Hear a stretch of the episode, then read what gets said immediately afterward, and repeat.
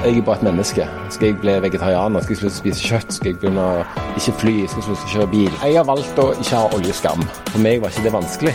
For jeg hadde egentlig solgt noe som jeg ikke hadde tenkt å kjøpe. Jeg eh, vil ikke si jeg er grådig. Å ha en sånn diskusjon i Stavanger er ikke alltid like lett. Her er Stavrum og Eikeland. Velkommen, Tore Gjedebo. Er du Stavangers svar på Johan H. Andresen, som solgte seg ut av eh, røyk og eh, begynte å investere bærekraftig? Det er vel en sammenligning jeg ikke har tenkt på før, men, eh, men det er, det, jeg har iallfall tatt noen valg som er annerledes enn en eh, det, det som kanskje ikke var et like stort tema før. Det er kanskje litt til sammenligning òg. Ja, Hi- Historien er jo at din familie, din far, tjente veldig mye penger på olje, oljerelaterte investeringer, og nå har du kun fokus på grønne investeringer, forstått? Ja, eh, altså eh, Min far var jo veldig teknologisk fokusert. Og den næringen hvor den teknologien kunne best anvendes, var olje og gass. Eh, og det gikk jo veldig bra. Eh, og han hadde jo eh, stor suksess med å komme opp med nye løsninger for eh, nye problem for olje- og gassnæringen. Mitt fokus er helt klart å bruke den kunnskapen som jeg har lært og vokst opp med, eh, i tillegg til den kapitalen som vi har fått tilført, til å kunne være med og kanskje være en like stor endring for eh, grønn teknologi. Og eh, selskaper som har et forretningsgrunnlag som gir eh, Som er med og tar eh, verden og klimaet i rett retning. Er du moralist, eller er du grådig? Jeg eh, vil ikke si jeg er grådig. Det, det, det jobber jeg iallfall med å ikke være. Jeg har vel funnet at de gangene du tar en beslutning på grådighet, så pleier det ofte å gå eh, fryktelig galt. Eh, så, så jeg har et Jeg har et litt annen tilnærming. Det er at jeg har tatt et valg om hvor jeg har tenkt å bruke tiden. Og når du har valgt å bruke tiden på alt annet enn olje og gass, så gjør det òg at du fjerner alle mulige, du fjerner alle alternativ på olje og gass. Så alle, all deal flow, alle muligheter, alle opportunities som kommer i det spacet, det ser jeg ikke på.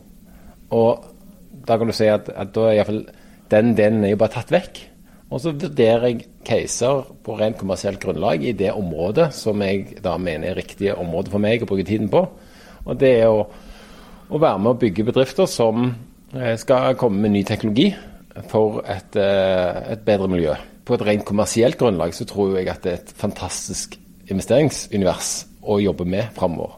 Det er få muligheter og få deler av samfunnet som blir eh, motivert, eh, både gjennom EUs Green Deal, gjennom eh, offentlige subsidier, gjennom, eh, gjennom eh, markedet begynner å se at eh, det skal bærekraftig kapitalisme begynner å gi bedre avkastning enn tradisjonell økonomi.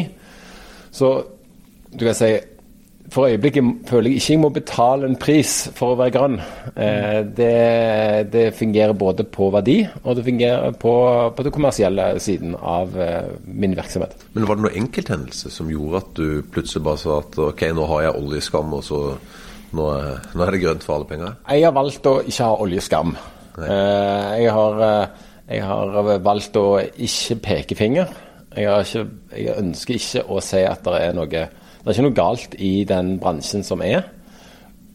Men jeg tror, ikke, jeg tror ikke det er klokt å fokusere på at det som har gitt oss verdiene til samfunnet historisk, er der vi skal søke verdien for fremtiden. Jeg tror det er betydelig mer verdier på det som går på grønt, enn det som går på olje og gass. Og det som Jeg har en sånn par hendelser som var med å dytte meg i den retningen. Det ene var når vi, når vi skulle hente jeg tror det var fond 6 i Vision, hvor vi fikk beskjed om at eh, Rockefeller Foundation hadde bestemt seg for å ikke investere i olje og gass. Det var egentlig den første gangen, det tror jeg var tilbake i 2011, at vi hørte at det var et stort fond institusjonelt og snakke om du skal snakke om legacy, så er jo de litt òg i samme område. Absolutt. Hvor de sa at dette var, den tid var over, nå skulle vi fokusere videre. Det var på en måte første, sånn, første gang jeg tenkte å ja, det var jo interessant.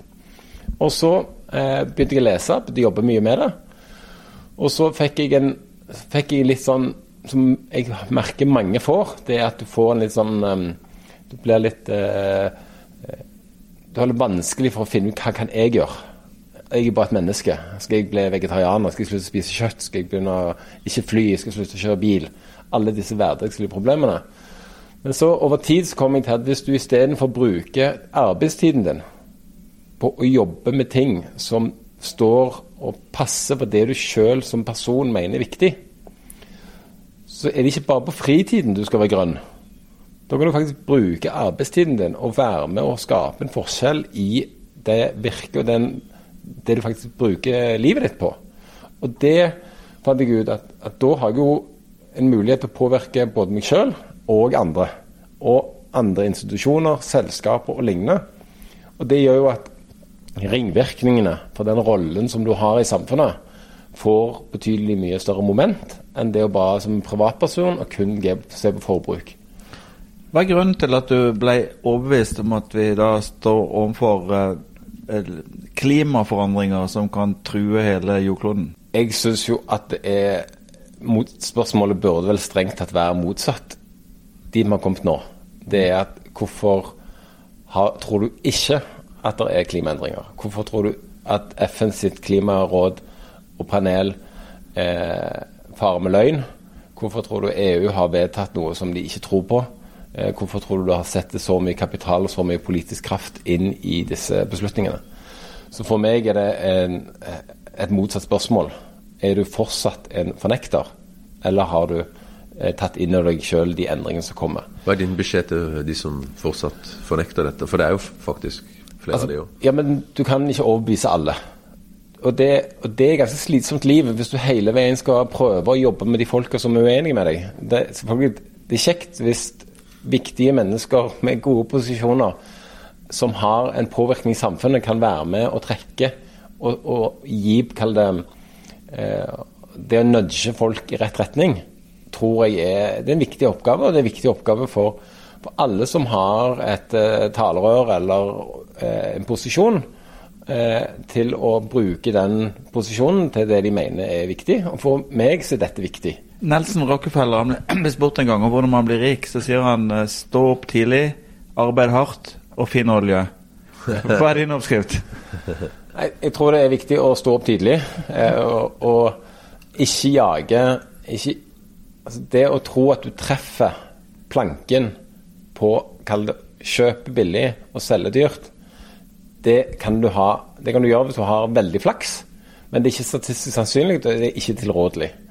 Det som derimot er tilrådelig, er at hvis du hvis du ser en stor trend, en monstertrend Det å kunne være med og jobbe i et medvindsmarked istedenfor et motvindsmarked er smart.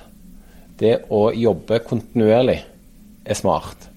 Det å eh, innse at hvis du kan, kan, kan, hente penger til en idé, hent pengene. Eh, hvis du eh, ser muligheten for å kunne få solgt noe, får du solgt. Det, det å agere og ha pågangsmot og tørre å stå på selv når folk sier at dette her er ikke smart Hvis du gjør det for de rette grunnene, med de rette verdiene, så er det rett for deg. Og Så får ettertiden vise seg om det er var veldig lønnsomt, eller om det var veldig bra, eller om du kanskje skulle ha brukt tiden på noe annet. Men det vet vi ikke der vi står. Vi kan bare gjøre så godt vi kan. Men du, men du er jo i en privilegert situasjon at du faktisk kan gjøre ting. Eh, for du har jo en god del penger. Eh, hva er det du har, altså hva er de mest interessante investeringene du har foretatt? Altså hva, hva driver de med? Hva slags teknologi er det? Hva er det de skal redde verden med? Når det kommer til investeringer, så har jeg eh, så solgte jeg meg ut av Hightech Vision i fjor. Eh, jeg har vært i en sånn en likviditetshendelse før noen ganger. og da Historisk sett så har jeg kjøpt, gjort ganske mange investeringer. Og da blir det veldig travelt om tre-fire år, når, når, det blir alltid noen problemer, og ting går jo aldri som de skal. Så i år så har jeg bestemt meg for at jeg skal bruke tid. Jeg skal investere i et fåtall av selskap, jobbe aktivt og bruke flere år framover til å vekte meg opp. De to selskapene som jeg har valgt å gå inn i i år, er to kjempespennende case. Det ene selskapet heter Beyonder, som er et Stavanger-basert eh, batteriselskap som skal lage, som lage, et helt revolusjonerende nytt batteri. Som har det som kalles en høyeffektbatteri. Og Det er med å endre ekstremt mange samfunnsmessige utfordringer som PT ikke er løst. det løser at en ferge som skal gå på batteri, kun trenger eh, en 20-25 størrelse av det batteriet som det trenger i dag. Eh, du kan fylle opp batteriet veldig raskt, og det har veldig stor effekt på måten det eh, når, du, når, du, tar ut energien. Og det gjør eh, Det muliggjør elektriske fly. Det gjør at det går an å lade et fly eh, på en halvtime når det lander. Det muliggjør at du kan ha elektriske ferger. Det muliggjør at du får indus altså store industrimaskiner kan gå på strøm.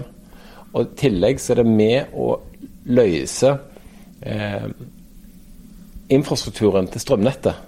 Fordi når du, når du, skal elektrifisere samfunnet, sånn som EU skal gjøre nå med Green Deal, så krever det ekstremt store endringer i måten samfunnet er satt sammen på. Fordi du må ha en annen type eh, strøm tilgjengelig. Og det er Beyonder med å lage et batteri som ikke bruker kobolt, ikke bruker nikkel. Eh, satt sammen med norsk treflis og en god bøtte, god teknologi. Batteri er jo en gigantsatsingsområde nå. Altså fra Tesla til andre store norske investorer. Hvorfor skal dere lykkes i en så kompetitiv bransje? Og det, og det er det som er utfordringen i batteri. Det er at et batteri er ikke et batteri. Jeg personlig har ikke investert i tradisjonell det som vi generelt sett snakker om som batterier, som er bilbatterier og lignende. Der er det enorm konkurranse. Eh, og det er egentlig hvem som greier å vokse raskest, hvem som greier å produsere billigst, og hvem som greier å produsere med mest grønn energi. For å, for å, på en måte ta vekk en del av Egentlig bare for å håndtere volumet som kommer. Det som er med Beyonder, er at vi går ikke inn i det segmentet.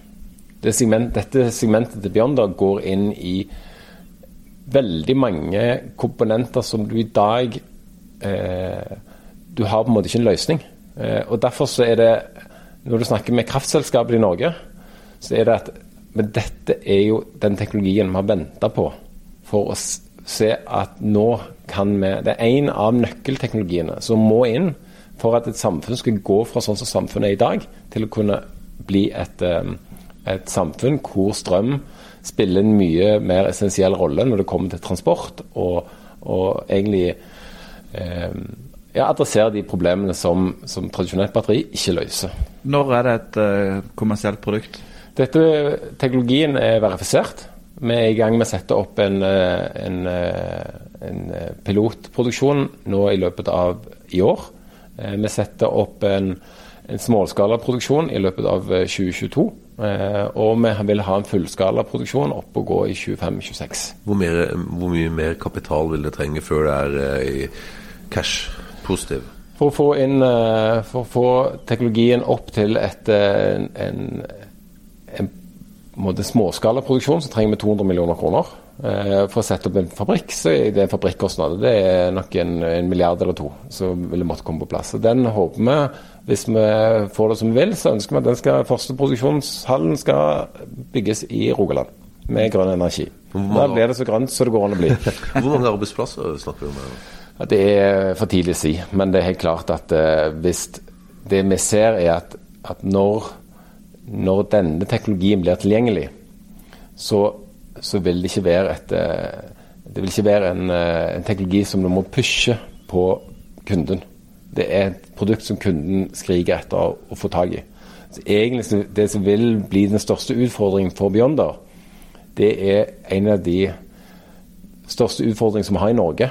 Det er faktisk å bygge et industrikonsern i moderne tid eh, med betydelig norsk kapital i Norge, eh, for, uten å selge eh, teknologi og egentlig til syvende og sist selskapet til internasjonal kapital. Og Da tenker du på skatteregler og du tenker på den type ting? Jeg tenker egentlig på, på, på, kapitalens vilje til å være med og satse på, på litt smale teknologier som faktisk krever at det skal produseres. Og det jeg sier, ikke, jeg sier, ikke, at det ikke er mulig i Norge, men det er en utfordring. Uh, det er en utfordring å få satt betydelig Det å kunne ta en ordentlig satsing og bygge raskt og skalere et selskap litt som du ser i USA eller i, i større nasjoner, så er det et, både et hjemmemarked som er større, og det er en, en, kapitalstruktur som gjør at det er alltid tilgjengelig kapital hvis ideen er god nok.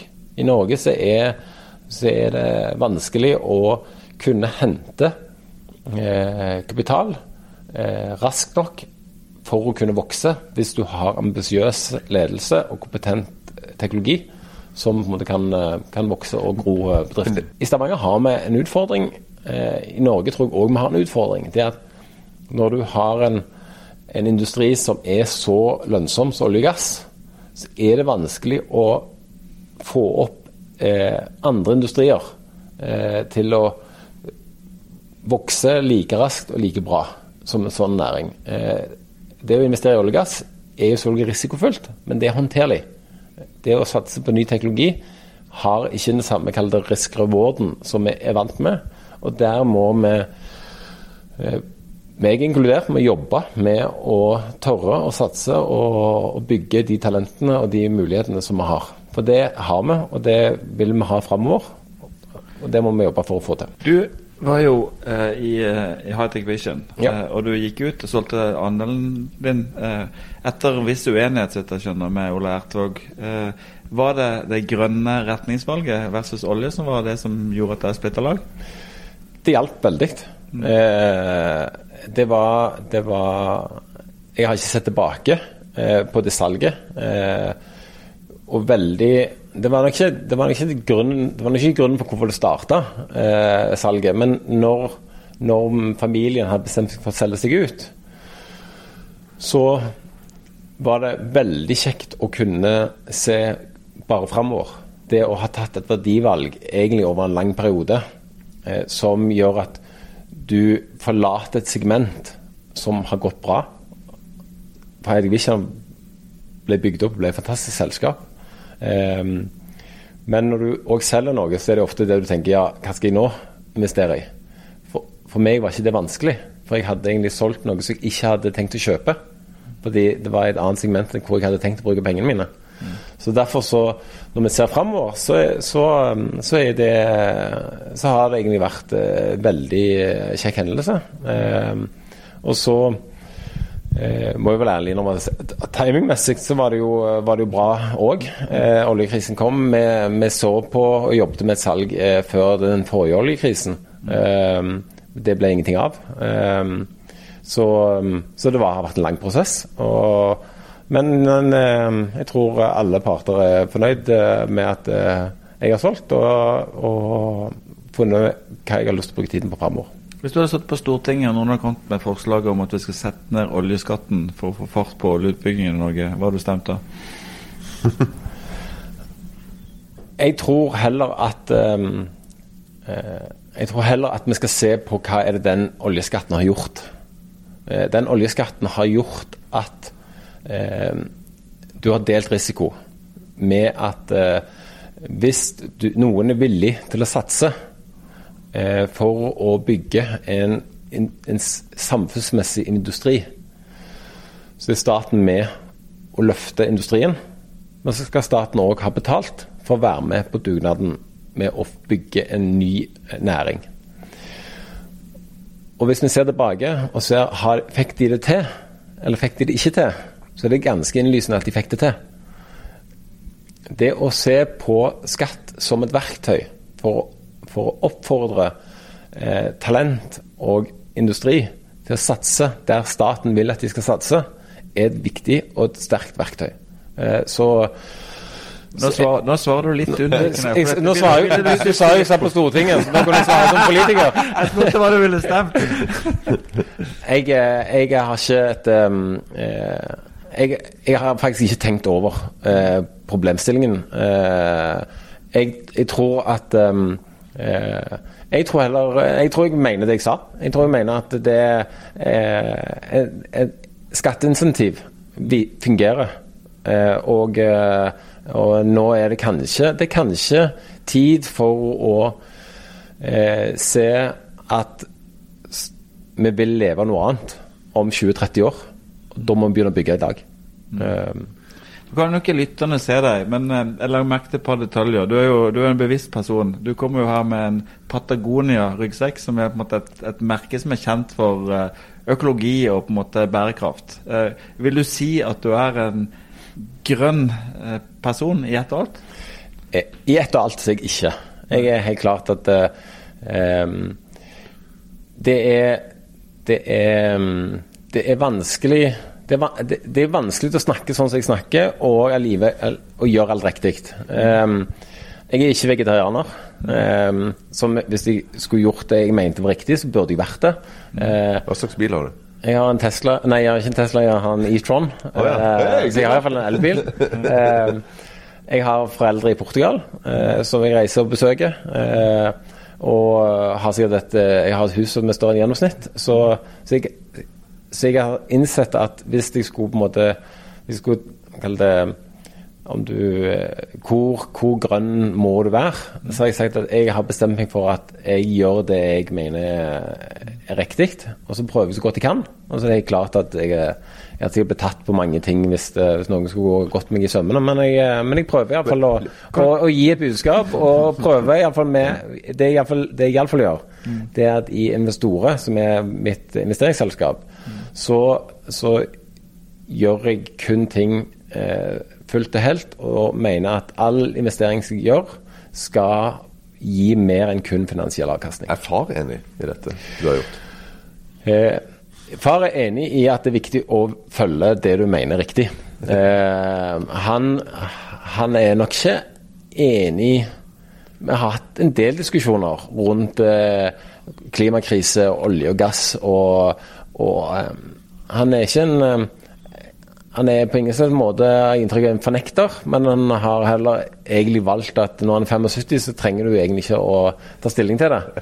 Så, eh, så vi har vel eh, kommet til en del av de diskusjonene at uh, hvis vi bare stopper i tide, så, så går vi og legger oss som gode venner.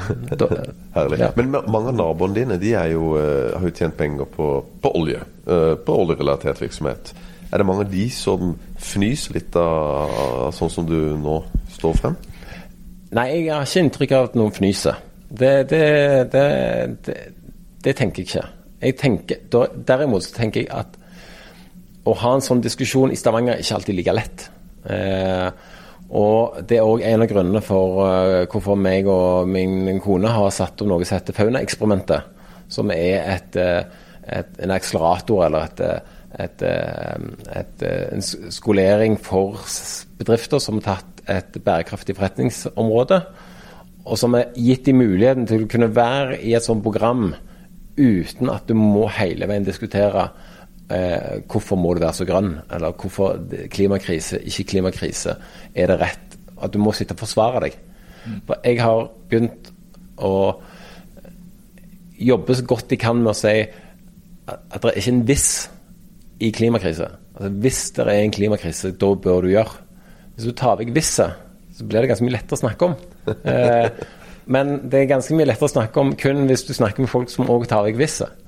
Hvis ikke så får du en, du får en, eh, får en sånn diskusjon som lugger er rundt, det er mye hvis i, i Stavanger, tror jeg. Jeg tror det er en del, jeg tror det er mer enn gjennomsnittlig viss, ja. Det tror jeg òg. Er det det? Er det ikke mer både òg når de har et byråd som kan bestå av både Miljøpartiet De Grønne og Bompengepartiet? Så vil jeg si at det er en viss fleksibilitet for å ha uenighet rundt bordet. Det, det, det, det er absolutt Det, det er absolutt Jeg tror det er god takhøyde i byen, så det tror jeg det meste går. Ja. Men det er jo en trøst, tenker jeg. Eh, Det er jo at eh, Innenfor miljøet så har vi det samme ordningen som en katolske kirke. Når ikke du får regnskapet til å gå opp, så kan du bare kjøpe klimakvoter. Ja, det er, det, er en, det er en eh, god måte i en overgangsprosess å gjøre det. Eh, og jeg har kjøpt min andel klimakvoter, jeg òg. Når det flyr, så gjør jeg det. Eh, om det, er, om det er løsning på alt, det tror jeg ikke. Jeg tror ikke det er et eh, det sånn nullsumspill. Eh, jeg tror ikke det går opp i opp, men det går opp i å eh, Når skattesystemer og andre, andre nasjon, når, det, når det er krav om nasjonale tiltak og de ikke skjer, så må, så må du kunne greie å se på et litt mer internasjonalt perspektiv og tenke er det en måte at jeg kan eh, det det du vil sikkert kalle den katolske kirken, gjøre litt bot og, og kompensere. og det og Da er det bare viktig at du har tiltro til at de pengene som du da støtter, at de går til et godt formål. Ti Ave Maria og ti klimakvoter, så er vi der. Men eh, bare jeg vil bore på én ting allikevel. Det er sånn På et eller annet tidspunkt i livet, i likhet med alle andre, så må du ha tenkt at eh, nå, nå er jeg faktisk overbevist om at eh, vi har en klimakrise. Men var det boklesing, eller var det en annen ting som gjorde at du kom til den overbevisningen? Det, det Eller har du alltid hatt den? Nei, jeg har ikke alltid hatt den. Jeg må innrømme at jeg har eh, jeg, eh, jeg, jeg har vel tenkt at det var mulig Jeg måtte tenkt Jeg måtte fått med meg alle eh, altså Kyoto-avtalen og Paris-avtalen og, og alle disse avtalene. Men jeg, jeg tror det er litt lett å bare leve i en sånn situasjon hvor du leser om det i avisen. Det, er på en måte sånn, det er litt sånn akademisk påfyll. Det, det er bare noe som skjer et eller annet sted, uten at du tenker at det gjelder meg. Eh, og det fungerte helt fint. Eh, men på et, på et, eller annet tidspunkt så begynner du å tenke at dette bør, jo, uh, dette bør gjøre noe med. Eh, er det eh, Koster det meg mye å gjøre noe med det? det smaker du selvfølgelig på før du begynner å tenke på det. Og Det som gjorde det enklere for meg, var at jeg bestemte meg for at jeg skulle begynne å jobbe med det. Altså Jeg skulle begynne å endre min investeringsvirksomhet. Hvor jeg tenkte at istedenfor at jeg kall det, om det er å kompensere. Istedenfor å endre personlig atferd, så skulle jeg begynne å bruke tiden min på det. Og Det som var, det som var veldig kjekt med å ta, den, ta det verdivalget, det var at én, du har tatt et verdivalg. Da viser det seg at hverdagen er mye kjekkere. Eh, når, du har, når du gjør noe for de, for de verdiene som du sjøl mener er riktig. To, du, treffer, du begynner å omgås folk som har de samme verdiene. Og de finner du det er litt hyggeligere enn de, altså, de ikke deler verdiene med deg sjøl. Så du finner ut at du jobber med kjekkere folk. Så kommer jeg til at tidevannet løfter disse verdiene. Eh, det er Du kan gjøre en grei investering i et tidevann som stiger, og den vil gå veldig bra. Så det er egentlig, istedenfor å se på det som veldig risikabelt, så innså jeg at jeg jeg tror faktisk det er mindre risikabelt. Så du tar vekk risiko. Og så i Det som har vært litt vrient i Norge, var at når du velger grønt, så tar du som et um, Du tar som et uh, Du eliminerer olje og gass. Og det er jo ikke bra. Mm. Men hvis du velger olje og gass, så eliminerer du alt andre. Så det er ikke en eliminering. Det er bare en spissing. Det er en fokusering. Og det i finans så tenker du at hvis du er spesialisert og du er fokusert, så gir det mer avkastning. Så da tok du vekk den bøygen òg. Da ble det egentlig ganske lett. Eh, og så tenkte jeg òg at hvis jeg skal rekruttere folk i fremtiden, tror jeg jeg får de flinkeste, smarteste unge menneskene med de rette verdiene. Tror jeg at de har, vil jobbe for meg, eller vil jobbe for andre. Så tenker jeg, ja, hvis jeg, har, hvis jeg faktisk mener det jeg sier og gjør som jeg, som jeg tenker, så tror jeg faktisk òg at jeg greier å få tak i flinkere folk. Så, så, da falt egentlig ganske mange brikker på plass. Mm. Helt, helt, til slutt. Ja. Eh, folk rundt i Stavanger her eh, som har, har, levd av olje i alle år, tror de at de håper at du skal lykkes, eller tror de at de vil godte seg hvis det går dårlig? jeg hadde en, jeg hadde en, en litt interessant um, tanke når det kom til dette. Det er kanskje sånn som dere liker en sånn podkast. Det var at uh, for, for seks år siden så seks eller åtte år siden så begynte vi å høre om Miljøpartiet De Grønne. Ja.